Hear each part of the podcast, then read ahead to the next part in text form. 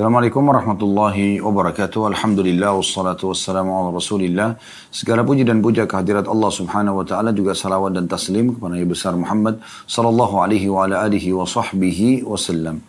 Saudaraku Siman, semoga di hari Jumat yang mulia ini salah satu dari hari raya kaum muslimin Allah subhanahu wa ta'ala membersihkan kita semua dari segala macam penyakit, segala macam sihir, segala macam gangguan, segala bekas-bekas dosa, dan semoga Allah subhanahu wa ta'ala menerima seluruh amal soleh yang pernah kita kerjakan, yang sedang kita kerjakan, dan juga yang akan kita kerjakan sampai menjelang ajal dan nanti dengan pahala yang sempurna, insya Allah. Allahumma amin. Dan juga teman-teman sekalian kita berdoa agar selalu negara kita menjadi negara yang aman, tentram, damai, seluruh umat Islam di bawah naungan ukhuwah Islamiyah. Allah selalu memberikan petunjuk para pemimpin kita yang memimpin negara ini agar mendapatkan hidayah dan juga menjalankan tugas-tugas dan amanah dengan baik. Serta Allah memberikan pahala balasan terhadap jasa-jasa mereka, baik yang sudah wafat atau yang masih hidup. Demikian juga Uh, kalau ada kesalahan semoga Allah maafkan dan semoga Allah menjadikan kita masyarakat yang selalu gotong royong bekerja sama dan satu hati dan satu barisan untuk memakmurkan negara ini, membela negara kita tercinta dan mempertahankan tentu kesatuan dan persatuannya dan semoga kita menjadi contoh bagi negara-negara yang lain. Allahumma amin. Baik teman-teman sekalian kita akan melanjutkan di hari Jumat seperti biasa pukul 13.00 waktu Indonesia Barat kurang lebih uh, beda buku kita Sahih At-Targhib Tarhib dan kita masih berada di kitab sedekah di bab ke-15-nya masalah anjuran berinfak pada jalan-jalan kebaikan sebagai suatu derma dan ancaman menahan diri serta menyimpan e, harta karena kekikiran. Dan kita sudah membahas kurang lebih sembilan hadis dalam bab ini dan insya Allah kita akan masuk hadis ke-10. Saya langsung bacakan saja. Hadis ke-10 dengan sanad sahih urutan 923 dari awal belajar berbunyi dari Asma binti Abi Bakar radhiyallahu anhuma dia dan ayahnya dua-duanya sahabat dia berkata Rasulullah sallallahu alaihi wasallam bersabda kepadaku la tuki fayuka alaiki janganlah kamu menahan tanganmu dari berinfak sehingga akan disempitkan juga atasmu dan dalam sebuah riwayat disebutkan amfiki awin fahi awin dahi ولا تحصي فيحصي فيحصي الله عليك ولا توعي فيوعي الله عليك berinfaklah. Kata Nabi SAW berikanlah dan bermurah hatilah jangan menghitung-hitung karena Allah akan menghitung-hitung atasmu. Janganlah engkau hanya menyimpan karena Allah juga akan menahan rezeki atasmu. Hadis ini diriwayatkan oleh Bukhari Muslim dan juga Abu Daud. Di sini ada keterangan dari Al-Mundiri rahimahullah penulis buku ini. Infah, infahi, indahi, dan anfiki. Ketiganya bermakna yang sama. Artinya berinfaklah. Ya. Keluarkanlah, berkorbanlah. Dan tentang potongan kalimat la tuki, Al-Khattabi berkata, maksudnya jangan kamu menyimpan ya. Diambil dari kata-kata al-ika, yaitu mengikat erat perut atau maaf, mengikat erat mulut kantong dengan alwika, yaitu tali pengikat. Dia mengatakan jangan menahan apa yang kamu miliki karena itu berarti memutuskan jalan keberkahan rezeki darimu. Demikian dinukil dari Al-Khattabi. Hadis ini teman-teman sekalian adalah salah satu hadis yang melengkapkan bahasan dalam bab kita ini tentang masalah anjuran untuk selalu menjadi dermawan, selalu berinfak, selalu berbagi, selalu murah hati, ya. Selalu berbagi di sini dalam arti kata memberikan di luar daripada kebutuhan kita, kebutuhan dasar kita. Keluarkan, berikan kepada orang lain. Jangan sibuk menyimpannya. Dan sudah disinggung tadi dengan salah satu potongan hadis ini la tuki. Jangan engkau menyimpan. Makna di sini kalau Al-Khattabi tadi mengatakan al-iqa adalah seseorang kalau punya kendi air kemudian ditutup dengan sesuatu dan diikat dengan erat ya sehingga supaya tidak tumpah ya maka itu diistilahkan dengan alika Maksudnya jangan kamu pelit betul-betul sulit sekali untuk mengeluarkan harta. Yang ada hanya menabung aja terus. Itu targetnya. Maka ini akan menghilangkan keberkahan. Ini luar biasa ya. Hadits ini memotivasi sekali kita sebenarnya. Ya, sebagai seorang muslim untuk menghilangkan 100% seluruhnya sifat perhitungan dan bakhil di jalan Allah Subhanahu wa taala. Lawan itu. Dengan justru kita mengeluarkan. Dan tidak usah peduli Jangan peduli apakah akan habis harta saya atau tidak. Jalankan resep ini teman-teman sekalian dan buktikan kedahsyatannya. Bagaimana Allah Azza wa Jalla akan mendatangkan rezeki buat kita atau buat anda ya, dengan berkorban di jalannya. Tidak akan pernah ada orang yang dermawan miskin. Mustahil. Tidak akan pernah ada orang dermawan itu ditimpa segala macam marah bahaya dan dia tidak punya ya solusinya. Tidak mungkin. Karena memang itu akan memberikan jalan keluar. Dan itu akan memberikan, membukakan pintu-pintu rezeki. Itu jelas. Tidak ada keraguan dalam masalah ini. Oleh karena itu, fahami baik-baik teman-teman sekalian. Hilangkan konsep-konsep dan prinsip kapitalis. Menabung pangkal kaya. Nggak ada dalam Islam itu. Kita justru berinfak pangkal kaya. Membantu ya pangkal kaya. Memberi pangkal kaya. Ya begitu. Makin banyak kita keluarkan, makin besar nilai yang kita korbankan, maka makin besar pula rezeki yang datang kepada atau kepada kita dari Allah Subhanahu wa taala. Ingat, Anda minta kesehatan, keturunan, ya keselamatan, masuk surga, selamat dari neraka, keturunan, minta pasangan yang baik. Kenapa Anda keluarkan cuma 2000 rupiah, 1000 rupiah? Kenapa pada saat kotak amal masjid lewat di depan Anda, Anda biarkan, ya sudahlah, gak usah berinfak. Kenapa pada saat ada orang mengulurkan tangan minta, Anda tinggalkan? Kenapa Anda tidak memberinya? Tentu semoga Allah maafkan yang lalu-lalu ya. Karena memang semuanya itu bisa saya terjadi dalam hidup kita. Saya pun begitu. Tapi kita coba memperbaiki. Kita coba memperbaiki dan setelah kita belajar seperti ini kita coba menjadi orang yang lebih baik. Dengan cara tidak pernah menolak siapa pun yang meminta. Dengan dermawan. Saya coba terapkan resep ini teman-teman sekalian. Luar biasa rezeki Allah bukain. Ya, Justru makin sering berinfak, makin sering berderma, maka makin mudah semua urusan. Makin terselamatkan dari segala macam serangan dan mara bahaya. Ya. Dan makin luas lapang ya, rezeki itu. Terpenuhi semua kebutuhan. Gitu. Jadi Allah SWT memberikan dengan luar biasa. Lalu kenapa masih ada orang yang tidak menerapkan ya, teori yang sederhana ini? Keluarkan, Allah akan kasih. Makin besar kita keluarkan, maka makin besar juga balasannya yang datang. Baik kita akan masuk teman-teman sekalian pelajaran pertama dari hadis yaitu pesan Nabi SAW kepada Asma binti Abi Bakar radhiyallahu anhuma. Asma adalah istrinya Zubair bin Awam, wanita salih yang sangat terkenal tentunya. Dan ini ipar Nabi SAW ya, karena uh, dia adalah saudarinya Aisyah radhiyallahu anhum ajma'in ya. Mereka berdua dan juga ayahnya semuanya sahabat tentunya ya. Dan di sini Nabi SAW mengingatkan dengan pesan yang ringkas, padat, dan sudah cukup. Ya. Kata Nabi SAW, La tuki fayuka alaiki. Jangan pernah kamu menahan tanganmu. Tadi saya sudah bilang, kali ya, sudah sampaikan kata Al-Khattabi al-ika, artinya mengikat. Akar katanya itu mengikat tutup minuman sampai dengan kuat sampai tidak tumpah gitu. Hmm. Nah ini teman-teman sekalian, berarti menandakan jangan pelit. Ya. Maka juga akan disempitkan untukmu. Subhanallah. Berarti faedah pertama dari hadis orang yang pelit akan sempit rezekinya. Dan sebaliknya, mafhum mukhalafahnya yang bisa difahami lawan daripada pesan ini adalah berinfak pangkal kaya. Itu kata kuncinya. Anda ingin kaya, semua orang kalau ditanya, mau kaya nggak? Mau. Apa kuncinya? Sedekah. Mulai dengan apa yang terdekat dengan diri Anda sendiri yang mudah Anda berikan. Misalnya Anda makan satu porsi makanan, Anda bagi dua, kasih ke orang lain. Anda memiliki beberapa pakaian, sedekahkan. Anda memiliki beberapa kitab, sedekahkan. Anda memiliki beberapa handphone, kendaraan, rumah, tanah, wakafin, kasih. Mulai dari dekat sendiri, mulai dari yang terdekat dengan kita. Makanan yang kita miliki pun sudah cukup untuk bersedekah.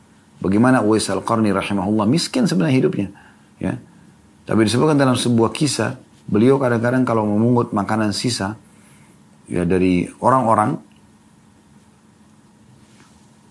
beliau ambil dan beliau bersihkan makanan itu. Dan pada saat makanan itu sudah dibersihkan dan dipanasi, dihangatkan kembali, beliau kemudian memberikan setengahnya kepada orang yang susah juga. Jadi tidak tunggu kaya untuk bisa bersedekah. Tapi nanti itu akan menjadi batu loncatan agar Anda bisa menjadi orang yang kaya. Ya. Kisah Abu Bakar, Uthman bin Affan, Umar bin Khattab, Uthman bin Affan, Ali bin Abi Thalib, semua orang-orang kaya di kalangan sahabat ini. Abdurrahman ibn Auf, Sa'ad ibn Wabi Waqqas, Sa'ad ibn Ubadah, Sa'ad ibn Rabi' ya. Uh, Sa'ad ibn Mu'ad dan yang lainnya ini banyak sekali. Mereka rata-rata orang mampu semua dan ternyata dalam hidup mereka itu karena suka berderma. Saya temukan di antara jemaah kami, Masya Allah, baik yang ikut dengan uhud tur, umrah, atau haji, ataupun yang biasa datang di pengajian yang Allah bukakan pintu rezeki. Semua kuncinya saya lihat adalah memang mereka sangat dermawan. Suka memberi, suka berbagi. Dan kalau memberi itu tidak nanggung-nanggung gitu. Memberi yang terbaik. Gitu. Tentu tidak semua orang memiliki sifat ini, tapi kita berharap supaya kita memiliki sifat-sifat ini. Ya, saya temukan ada beberapa jemaah kadang-kadang bersedekah kurma saja, tapi dia langsung cari karena dia punya kemampuan dia beli kurma ajwa yang terbaik lalu dibagikan di mobil atau di bus misalnya. Ada di antara mereka yang memberi makanan uh, banyak untuk seluruh jemaah, ada yang membeli zam-zam, ada orang yang pada saat pulang beli untuk keluarganya sekian banyak parfum, pakaian, sejadah, Al-Quran, tanpa melihat lagi nilainya. Dan orang-orang seperti ini memang pada saat kami ajak di yayasan sosial misalnya di Mekah, mereka juga tidak berhitungan lagi. Gesek langsung sekian ratus juta. Antara dia dengan Tuhannya Allah subhanahu wa ta'ala. Kami hanya membantu untuk menunjukkan saya tempat untuk bersedekah misalnya. Tapi memang subhanallah kata kunci mereka kaya ini justru karena ini. Lalu kenapa masih ada orang justru pada saat dia ingin merangkak dan meranjak untuk bisa jadi orang kaya, mereka sudah mulai dengan kepelitan terlebih dahulu. Gak mungkin itu. Ini faedah pertama. Faedah yang kedua diambil dari hadis adalah gabungan tiga kosakata ini ya. Amfiki, infahi, indahi. Berinfaklah, berikanlah, dan bermula hatilah. Nah, di sini faedahnya adalah Ternyata berinfak itu juga harus diikuti dengan hati yang pemurah. Bukan terpaksa. Tapi karena memang ke keikhlasan, ketulusan dalam memberi. Ini akan menghasilkan buah. Kalau orang berinfak sementara hatinya dongkol, dia nggak mau berinfak. Maka orang seperti ini nggak ada pahalanya. Kita sudah pernah bacakan ya, surah Al-Baqarah 261 seingat saya sampai 274 ayat-ayat Al-Quran berhubungan dengan masalah infak. Yang tadi tidak boleh menyakiti orang yang menerima, ya. E, kemudian memberikan yang terbaik, jangan memilah-milah yang buruk kemudian disedekahkan misalnya. Ya. Beri yang terbaik, Allah SWT akan gantikan.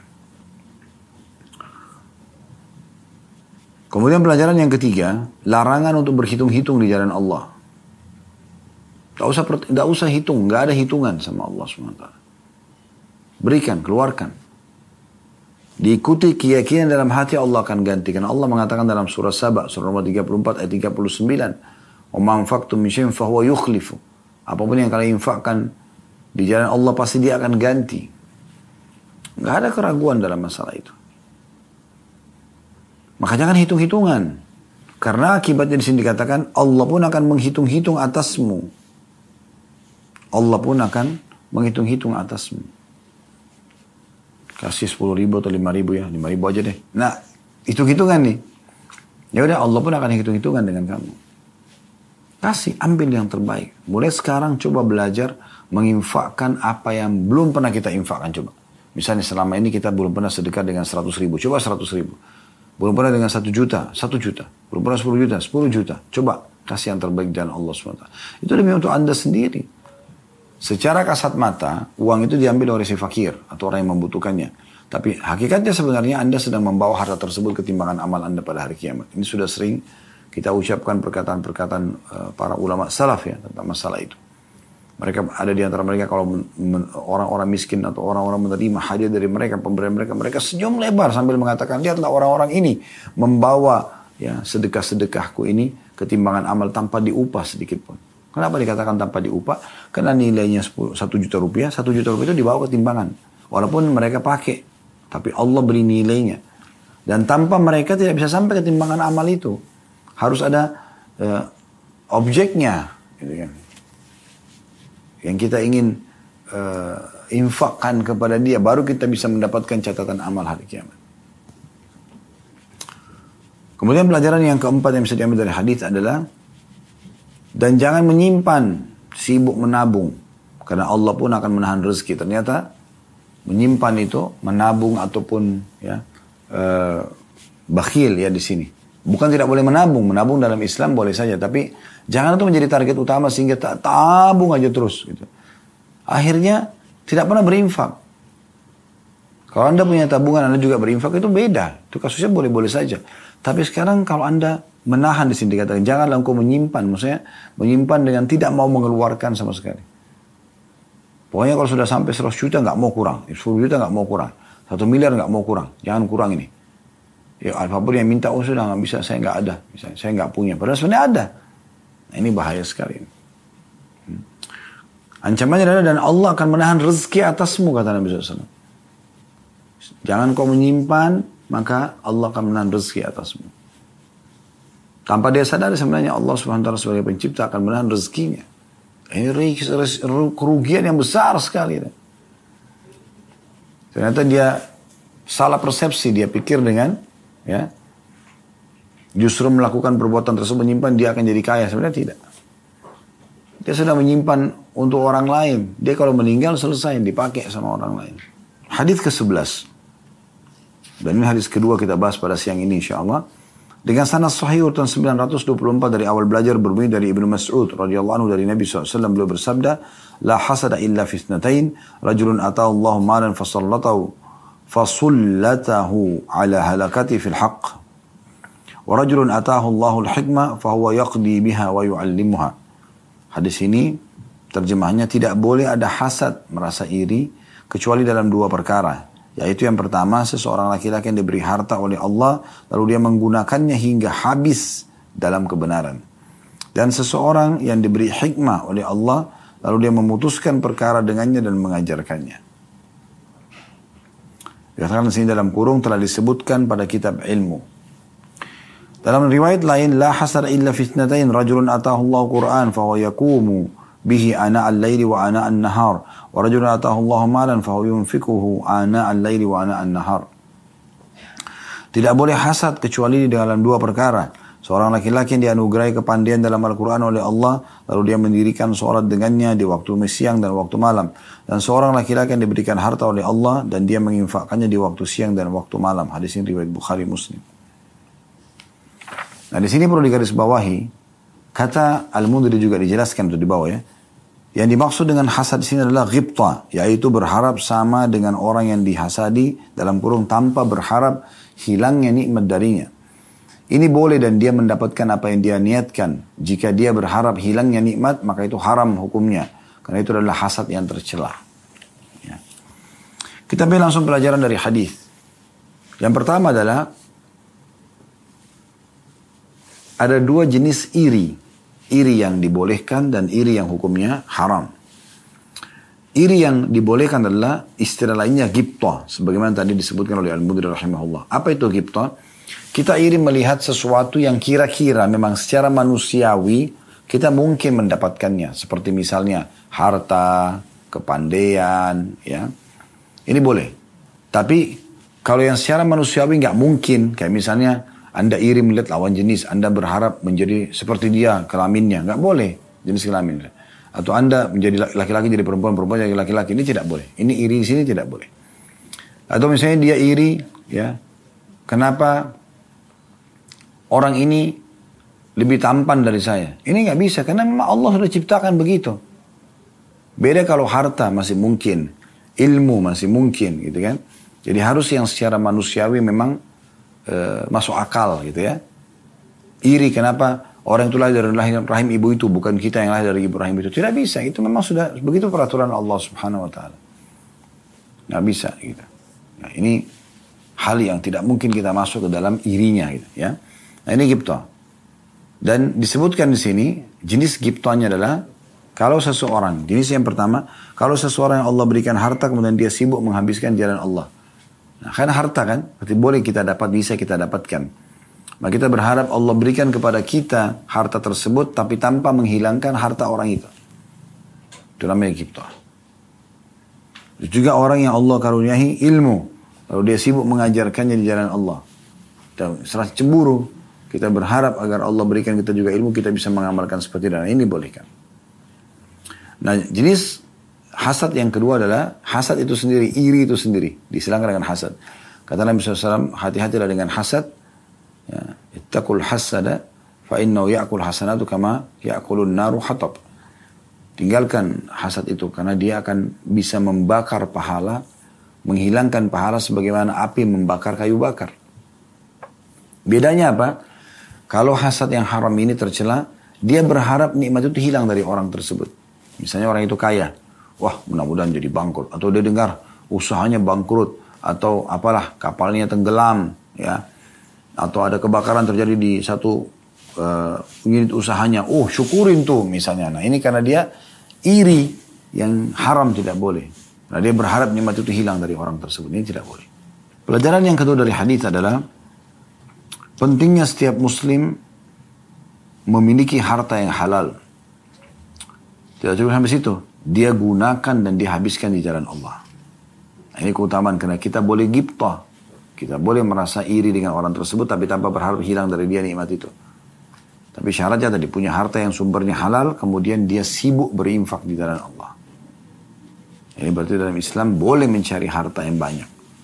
Tapi ingat, jangan lupa juga infakkan yang baik di jalan Allah. Pelajaran ketiga dari hadis adalah pentingnya seorang muslim itu memiliki ilmu, belajar. Kedudukannya sangat tinggi orang yang berilmu. Kemudian dia juga sibuk mengajarkannya kepada orang lain. Ya. Pelajaran yang keempat adalah bahwasanya pentingnya seseorang mempelajari Al-Quran karena termasuk boleh gipto kepada orang yang memiliki Al-Quran, dia membaca ya, dan menghafalnya serta mengulangi, selalu membacanya di siang dan malam hari. Ini berarti kedudukan Al-Quran itu sendiri. Sesuai dengan hadis Nabi SAW, khairukum man ta'allam Al-Quran wa. Orang yang paling baik yang terkenal orang yang mempelajari Al-Quran dan juga mengajarkannya. Nah, ini tiga jenisnya ini. Orang yang dikaruniai harta, halal dan dihabiskan jalan Allah yang kedua orang yang Allah berikan ilmu, kemudian diajarkan juga jalan Allah. Dan yang ketiga orang yang diberikan Al-Quran, kemudian dia baca di pagi dan atau di siang di malam dan malam hari ya untuk mendekatkan diri kepada Allah SWT. Nah ini boleh ghibtah kepada mereka. Boleh ghibtah kepada mereka. Ya. Nah ini sebuah keutamaan tersendiri tentunya. Baik teman-teman sekalian kita akan melanjutkan hadis selanjutnya insya Allah. Hadis ketiga dari uh, bahasan di kitab kita ini Eh, atau pada siang ini dan insya Allah urutan ke-12 dengan sanad Hasan dan Mauquf atau Hasan derajatnya sampai ke sahabat. Urutan 925 dari awal belajar berbunyi dari Talha bin Yahya dari neneknya Su'da. Radiyallahu anha dia berkata, "Dakhaltu yawman ala Talha ta'ni ibnu Ubaidillah. Faraitu mithlu thiqala." Ma, فرأيت منه ثقلا. فقلت له ما لك؟ لعلك رابك منا شيء فتعتبك. مام. سأولاني دخلت يوما على طلحة تعني ابن عبيد الله. فرأيت منه ثقلا.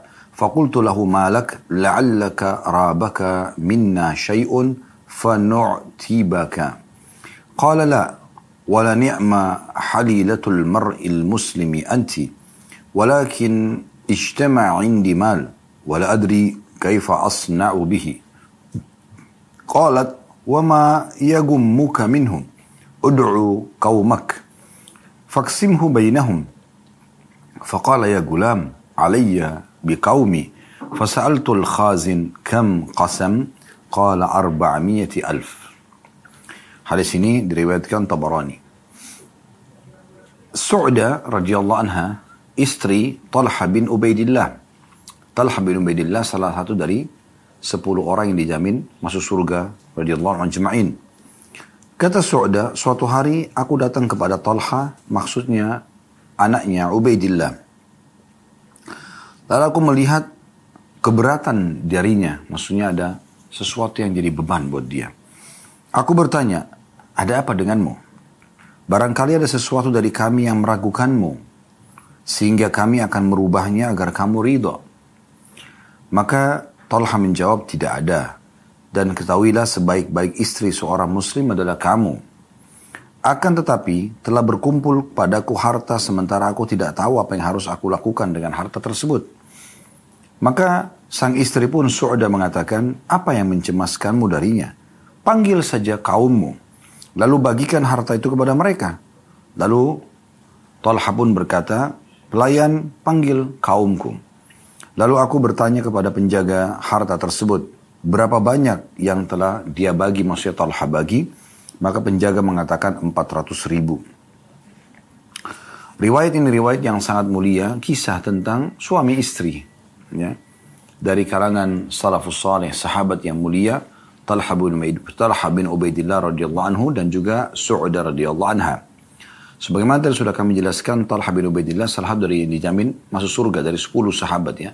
Yang masuk surga yang disebutkan nama mereka berurut, itu di antaranya Talha bin Ubaidillah. Tentu banyak sahabat-sahabat yang masuk surga oleh Nabi SAW yang tidak disebutkan di hadis yang gabungan 10 orang. Tapi ini dikenal dengan 10 orang yang dijamin masuk surga dalam satu hadis yang berurut nama mereka. Dari Abu Bakar sampai ya yang terakhir dan salah satunya adalah Talha bin Ubaidillah. Talha ini punya satu ciri khas. Beliau hampir umumnya seperti sahabat, tapi beliau punya ciri khas yang luar biasa, sangat pemberani dan juga sangat dermawan. Jadi sangat ya. Di perang Uhud, beliaulah yang uh, paling banyak membela Nabi SAW sampai kata Abu Bakar anhu, sesungguhnya Uhud miliknya Talha. Karena sangat pemberani. Tubuhnya dipenuhi dengan sabutan pedang, anak panah, tombak karena membela Nabi SAW. Bahkan giginya, kedua giginya di depan tanggal karena mencabut besi yang tertancap di pipi Nabi SAW. Dia merasa kalau mencabut dengan tangannya kurang sopan, maka dia cabut dengan giginya sampai tanggal. Dan juga sangat dermawan, suka sekali bersedekah. Tolha ini salah satu ciri khas yang mungkin tidak semua orang lakukan. Beliau setiap hari membebaskan sekitar 36 budak. Setiap hari beliau pergi ke pasar, bayar budak-budak, disebutkan dalam dalam buku-buku sejarah dan ini pernah kami bedah di Tablik Akbar serial tentang sahabat yang mulia ini 36 budak per harinya ya. Jadi itu luar biasa. Membeli orang membeli orang itu mahal nilainya. Tapi dia selalu keluar uh, uh, beli bebaskan dia beli kemudian dia bebaskan. Bukan dia pakai jasanya. Dan sebelum dia bebaskan dia sering kali membeli pakaian yang bagus yang dia pakai dan semua budaknya itu pakai sama semuanya. Itu sangat luar biasa gitu. Mungkin perbuatan yang tidak semua orang lakukan dalam bab infak ya. Orang masing-masing punya ijtihad atau upaya dan Allah ya sesuai dengan yang Allah mudahkan buat mereka tapi ini luar biasa ini. Baik kita akan masuk teman-teman sekalian ke kisah rumah tangga yang luar biasa ini. Su'da radhiyallahu anha, istri yang mulia ini, sesuai dengan pujian daripada suaminya sendiri Talha ya. Pada saat dia satu waktu akan istirahat bersama suaminya kemudian dia melihat ada beban di wajah suaminya. Seperti lagi memikirkan sesuatu yang berat. Maka dia pun bertanya ada apa? Adakah sesuatu dari sikap kami maksudnya istri sebagai istri yang membuat anda tidak ridho biar kami ubah dan buat anda ridho. Ini ciri khasnya wanita salihah. Dia hidup untuk mencari ridho suaminya karena Allah menggantungkan ridho Allah pada ridho suaminya. Dan bagaimana dibalas dengan cinta dan kasih sayang dari suami yang saleh. Dia mengatakan tidak sama sekali. Tapi ketahuilah justru kamu adalah sebaik-baik istri bagi muslim. Maksudnya kalau ada muslim yang paling bahagia, ya, yang sudah berumah tangga adalah kalau memiliki istri seperti kamu sifatnya. Karena luar biasa solehanya. Hidupnya coba mencari ridho suaminya. Dan ini harus menjadi target setiap muslimah. Nanti kita akan ambil faidahnya insya Allah ya. Kemudian Talha menjelaskan. Sebab saya menjadi masalah ini bukan karena penyakit, bukan karena gangguan orang. Coba bayangkan ya. Karena pada hari itu harta menumpuk. Banyak sekali hartanya. Bukankah bagi sebagian orang yang punya sifat kapi, tertanam padanya prinsip kapitalis, malah bangga kalau rekeningnya menumpuk miliaran, ratusan miliar, bahkan triliunan? Bangga dipublish kalau dia adalah termasuk orang terkaya di dunia misalnya atau di Indonesia. Hmm? Subhanallah. Tolha justru bukan bangga, menjadi beban bagi beliau. Ini wah banyak ini. Seakan-akan Tolha ingin mengatakan, jadi kalau saya mati malam ini, Ini yang saya takut Allah minta pertanggungjawabannya nih. Harta melimpah sekali. Coba Bayangkan ini kondisi rumah tangga mereka yang luar biasa. Kita masih menceritakan tentang bagaimana dahsyatnya riwayat ini gitu. Sang istri, bandingkan dengan istri-istri di masa sekarang. Di saat suaminya bilang, nih lagi banyak nih bonus. Saya gaji dapat gaji dua bulan sekaligus. Atau ini rekening saya lagi banyak duit nih. Kira-kira apa yang akan dikatakan istri di masa sekarang? Mereka akan mengatakan kalau gitu berikan saya kepada saya. Saya beli perhiasan, saya pergi ke salon, perawatan, apalah segala macam. Beli tas, beli ini, beli itu. Mungkin nih. Tapi ini tidak subhanallah. Dia mengatakan, kalau gitu karena solehannya dia. Bayangkan indahnya rumah tangga kalau semua targetnya akhirat. Apa kata sang istri? Dia tidak sebut sama sekali kebutuhan dia. Sama sekali dia nggak bicara. Dia mengatakan, kenapa harus jadi beban? Kenapa harus mencemaskan Anda? Panggil kaum Anda, suku Anda sendiri, kerabat Anda, panggil mereka. Infakkan semuanya. Luar biasa. Infakkan dukungan dari seorang pasangan yang layak dipuji. Layak sudah sampai 1400 tahun riwayat ini ternukil dan hari ini sampai kepada telinga saya dan telinga Anda. Ya. Bagaimana ini? Seorang wanita yang sangat luar biasa mendukung suaminya untuk berinfak. Semuanya keluarkan. Gak usah pikir itu. Karena dia pakai keimanan. Kalau suaminya berinfak dan dia termasuk yang memotivasi suaminya, Walaupun dia tidak punya harta yang sama, dia akan dapat pahala yang sama. Karena dia sebabnya, coba bayangkan. Ini dahsyat sekali. Ini. Hal yang luar biasa dalam rumah tangga gitu ya. Yang mungkin tidak semua orang melakukan ini. Berapa banyak istri yang menahan suaminya. Untuk apa kasih ke orang lain? Saya aja. Atau mungkin suami terbalik. Istrinya suka berinfak. Untuk apa keluarin? Tidak perlu. Misalnya. Subhanallah. Gitu kan? Ini bayangkan rumah tangga mereka luar biasa. Lalu Talha tanpa berpikir panjang. Saran yang baik diterima sama dia. Nah ini satu hal yang luar biasa juga nih. Ya, Bagaimana tidak ada egoisme dalam rumah tangga kalau itu saran dan masukan yang baik. Kenapa nggak diterima? Talha langsung panggil pelayannya. Kumpulkan semua kaumku. Lalu kemudian langsung dibagikan. 400 ribu pada saat itu. Ya. Jumlahnya ini kalau di masa sekarang ya mungkin puluhan miliar lah. Ya. Habis semua. Satu malam suami istri sibuk untuk membagi-bagikan uang tersebut kepada sanak kerabat dan kaum. Inilah kisah rumah tangga yang luar biasa. Ini keromantisan dan harmonisan yang sebenarnya. Bukan seperti yang digambarkan hanya tahu bermesraan saja di pamer, di sinetron, di film. Kemudian cemburuan, kemudian selingkuh, kemudian ini dan itu. Tapi bagaimana mereka saling dukung mendukung untuk sama-sama ya membawa yang terbaik menuju ke akhirat. Di antaranya infak ini. Ya. Dan ini memang dalam Islam dimotivasi seperti ini. Mirip kasus ini tapi mirip dengan uh, uh, tujuan daripada bahasa ini tapi kasusnya berbeda. Yaitu hadis tentang masalah sholat malam bersama. Gitu kan? Bukankah Nabi SAW mengatakan semoga Allah merahmati seorang suami yang bangun tengah malam untuk sholat Kemudian dia bangunkan istrinya untuk sholat bersama dengan dia. Kalau istri menolak maka dia percikkan wajahnya dengan air. Semoga Allah merahmati seorang istri yang bangun tengah malam untuk sholat tahajud. Lalu dia bangunkan suaminya. Kalau suami menolak lalu dipercikkan wajah. Ya, di wajahnya. Dalam riwayat lain, kalau suami istri bangun dan sholat berjamaah bersama, maka mereka akan dicatat sebagai laki-laki dan perempuan yang banyak berzikir kepada Allah. Walaupun cuma dua rakaat. Itulah keromantisan yang sebenarnya. Islam mengajarkan itu. Dukung mendukungnya suami istri dalam kebaikan. Dalam urusan akhirat, dalam keimanan. Bukan dalam kemaksiatan. Ini luar biasa nih. Baik, kita ambil pelajaran pertama dari hadis tentang bagaimana seharusnya setiap muslim bermuamalah dengan hartanya. Yaitu menginfakkannya. Sesuai dengan judul bab kita. Bukan sibuk menabungnya. Bukan sibuk menumpukkannya. Tapi keluarkan. Keluarkan. Yang dicintai dari harta adalah nilainya akan diterima di akhirat sana. Bukan nilainya dan fisiknya di dunia. Saya ulangi lagi yang dicintai oleh setiap muslim dari harta dia adalah nilai yang akan dia terima dalam bentuk balasan nanti di akhirat. Bukan nilai, angka, dan fisiknya di dunia. Ada orang saking cintanya dengan hartanya, sampai ditumpukin banyak.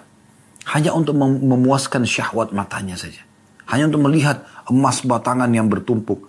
Hanya melihat uang-uang yang masih baru. ya Yang masih grass dari bank menumpuk. Berblok-blok. Untuk apa ini? Untuk apa? Untuk Anda meninggal kemudian dibagikan kepada orang lain. Saya pernah lihat cuplikan ada seseorang terkaya di Timur Tengah meninggal di Kuwait. Waktu dia meninggal, di, dicek semua gudang di rumahnya. Menumpuk emas-emas batangan yang besar-besar. Mobil yang mewah, pesawat pribadi, segala macam hal. Harta-harta, uang-uang dolar yang menumpuk sekian banyak. Triliunan jumlahnya. Apa dia apakan? Selesai. Dan subhanallah di dunia dia tidak menikmati cuma kecuali syahwat matanya. Kan? Kemudian juga dia juga tidak mendapatkan yang terbaik di akhirat. Artinya satu batang emas bisa bangun bisa bangun mungkin bisa bangun satu masjid atau musola kecil. 10 emas, 20 emas. Ini ribuan tumpukan emas banyak. Numpuk, banyak sekali hartanya. Fotonya sampai nyebar di mana-mana waktu itu. Rahimahullah. Semoga Allah rahmati gitu. Tapi harta yang sangat banyak sekali. Yang harusnya dia itu bisa jadikan tuh semua jadi amal soleh. Dia bawa semua ke akhirat. Jangan numpuk di gudangnya dia gitu. Nanti kita akan baca riwayat-riwayat setelah ini. Dahsyat sekali bagaimana Nabi SAW memberikan contoh untuk berinfak. Para sahabat berinfak. Talha bin Ubaidillah memberikan pelajaran penting di sini. Harta yang menumpuk di gudang, nggak disisain loh ya semua 400 ribu dirham atau dinar yang ada itu dihabiskan semua. Diinfakkan malam itu. Setelah diinfakkan dia bersyukur kepada Allah. Alhamdulillah tidak ada beban lagi. Begitu. Mereka bahkan tidak pernah berpikir besok apa yang akan dia dapatkan. Hari ini, karena hari ini saya hidup. Begitu polanya gitu. Jadi kita akan dengarkan riwayatnya gitu. Itu pelajaran pertama. Bagaimana seorang muslim bermuamalah dengan hartanya. Yang dia kejar adalah nilainya nanti balasannya di akhirat. Bukan nilai dan fisiknya di dunia. Terlalu berlebihan mencintai fisik ini hanya membuat sedikit aja ya. Orang melihat mungkin hartanya dia sudah marah. Apalagi menyentuhnya. Apalagi sampai memintanya. Pelajaran yang kedua. Pentingnya suami istri untuk saling dukung-mendukung dalam kebaikan. Ya.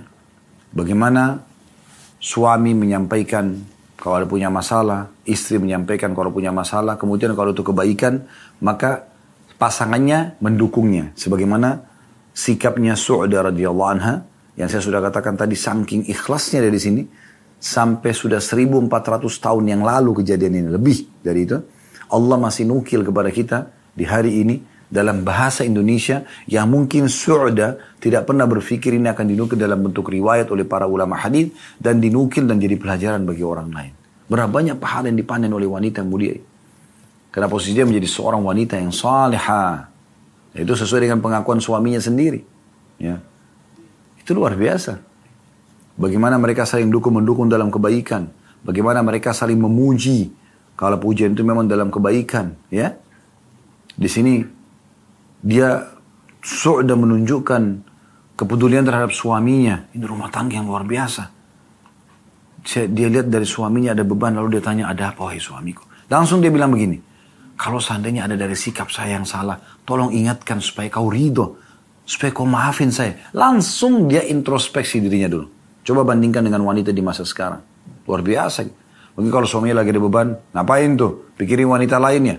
Contoh. Ada apa? Ada ini. Atau mungkin ada sebagian suami yang sampai kepada kami keluhannya. Lagi terlilit utang, lagi ada masalah, ditipu orang.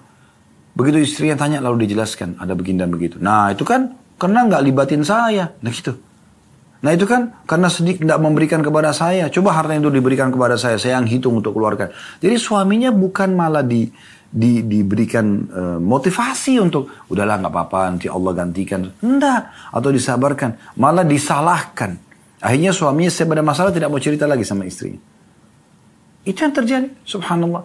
Bandingkan diri wanita-wanita seperti itu dengan Su'da radhiyallahu anha. Begitu suaminya terlihat ada beban, tidak bicara apa-apa, tolha. Tapi langsung dia mengatakan ada apa wahai suamiku. Langsung dia introspeksi dia mengatakan, kalau seandainya ada salah dari aku ingatkan, supaya kau ridho. Maka Talha pun rumah tangga yang sangat romantis ini. Harmonis sekali. Langsung membalas. Memuji sambil mengatakan, tidak wahai istriku. Ketahuilah engkau sebaik-baik istri bagi seorang muslim. Maksudnya akan sangat bahagia muslim kalau punya istri seperti kamu. Karena solehanya. Ini pelajaran yang kedua. Bagaimana keromantisan, kehormatan dalam rumah tangga dalam Islam itu dilihat daripada dukung-mendukungnya suami istri dalam masalah keimanan dan kebaikan. Ini luar biasa ini. Ya. Kemudian pelajaran yang ketiga yang bisa diambil dari riwayat ini adalah pentingnya berinfak kepada sanak kerabat, orang-orang terdekat. Makanya Su'da memberikan saran kepada suaminya Talha radhiyallahu anhu juma'in, coba panggil kaummu, panggil keluargamu, infakkan kepada mereka dan Talha ini lakukan masalah itu. Pelajaran keempat, pentingnya seseorang mendukung setiap perbuatan kebaikan, walaupun hanya dengan saran, dan orang yang memberikan saran ini sama dengan orang yang melakukan amal tersebut. Ada orang tanya alamat masjid di mana ya? Oh lurus, mentok belok kanan. Coba tunjukin orang itu soalnya kita dapat pahala. Kita share berita tentang sedekah, tentang infak. Mungkin Anda tadi sempat lihat jedah dari uh, tema kita di sesi pertama, setengah jam pertama dan setengah jam yang kedua ini. Ada banyak kami ajak Anda untuk berinfak segala macam. Itu iklan. Sekarang kalau teman-teman yang kerja di kantor kami, ada yang bagian pembuatan iklan tersebut. Ada yang membuat flyernya, ya, desainnya. Ada yang uh, menyebarluaskan juga, ya, menyebarkan datang ke yayasan-yayasan. Ada yang menyebarkan dari lisan ke lisan kepada jemaah misalnya. Siapa saja. Atau Anda mungkin menonton, teman Anda lihat, oh ada infak tuh di yayasan sedekah kreatif misalnya. Anda sampaikan kepada orang yang Anda kenal dari orang yang mampu. Lalu kemudian mereka berinfak. Kita sebenarnya mungkin tidak mampu berinfak sejumlah itu. Tapi kita akan dapatkan pahala yang sama. Sebagaimana disebutkan dalam sebuah hadis Nabi SAW katakan masalah itu. Jadi orang yang menunjukkan pada kebaikan, pada infak, orang yang bekerja di satu lembaga, yang lembaga itu lembaga sosial yang bersedekah, maka dia akan dapat pahala seperti orang itu. Saya sering motivasi teman-teman akunting, finance, di yayasan, teman-teman yang bergerak di lapangan. Ini luar biasa pahalanya. Jemaah titipkan uang misalnya 1 M untuk sedekah. Anggaplah gabungan dari semua uang-uang yang ada. Diamanahkan. Lalu diinfakkanlah. Dibantu untuk orang bencana, dibantu untuk pesantren, bantu untuk masjid, bantu untuk janda tidak mampu, bantu anak yatim, bantu anak jalanan, melunasi utang orang dari zakat mal yang dititipkan. Semua itu yang infak 1M dapat pahala, yang menjalankan, realisasikan dari buat flyernya, iklankan, sebarkan, semua juga akan dapat pahala 1M. Sama dengan itu bersedekahnya. Coba luar biasanya. Begitu Allah maha pemurah memberikan kepada kita. Maka ini pelajaran penting. Bagaimana kita mendukung perbuatan-perbuatan sosial itu walaupun dengan saran. Apalagi kalau kita bisa partisipasi dalam kebaikan. Tapi ingat ya, kapan kita bisa berinfak atau partisipasi dalam perbuatan tersebut, maka satukan antara saran dengan partisipasi. Jangan cuma saran saja sementara Anda mampu. Contoh misal, Anda naik mobil e, berdua, berkendaraan berdua dengan teman Anda misalnya. Lalu teman Anda setir, menyetir mobil, Anda di sebelahnya. Ada orang miskin sedang mengetuk kaca mobil Anda atau kaca mobil teman Anda di saat lagi berhenti di lampu merah misalnya. Lalu kemudian Anda bilang sama teman, tuh orang miskin bantu aja. Misal contoh, Anda niatnya baik ya, Anda tunjukkan. Sebenarnya Anda juga mampu berinfak. Lalu kemudian Anda biarkan teman Anda berinfak, lalu Anda diam saja. Anda anggap sudahlah, sudah cukup teman saya yang berinfak. Nah ini juga keliru ya. Perlu diperbaikin ini. Semoga Allah maafkan kalau yang lalu pernah terjadi. Harusnya dia berinfak, dia dapat pahala. Kita pun berinfak karena kita punya kemampuan selain saran. Nah, saran ini kita cukupkan kalau memang kita tidak punya kemampuan. Ya. Tapi kalau kita punya kemampuan, gabungkan antara saran, masukan, nasihat, anjuran dengan juga merealisasikan perbuatan tersebut. Nah, ini penting sekali untuk digarisbawahi. Nah, ini pelajaran yang luar biasa gitu ya. Berinfak atau saling dukung-mendukung dalam masalah perbuatan kebaikan tentunya. Nah ini poin yang bisa kita ambil daripada hadis ini tentunya. Baik, kalau ada benar dari Allah, kalau ada salah dari saya, mohon dimaafkan. Subhanakallah bihamdika. Asyadu an la ilaha illa anta astaghfiruka wa atubu ilaik. Wassalamualaikum warahmatullahi wabarakatuh.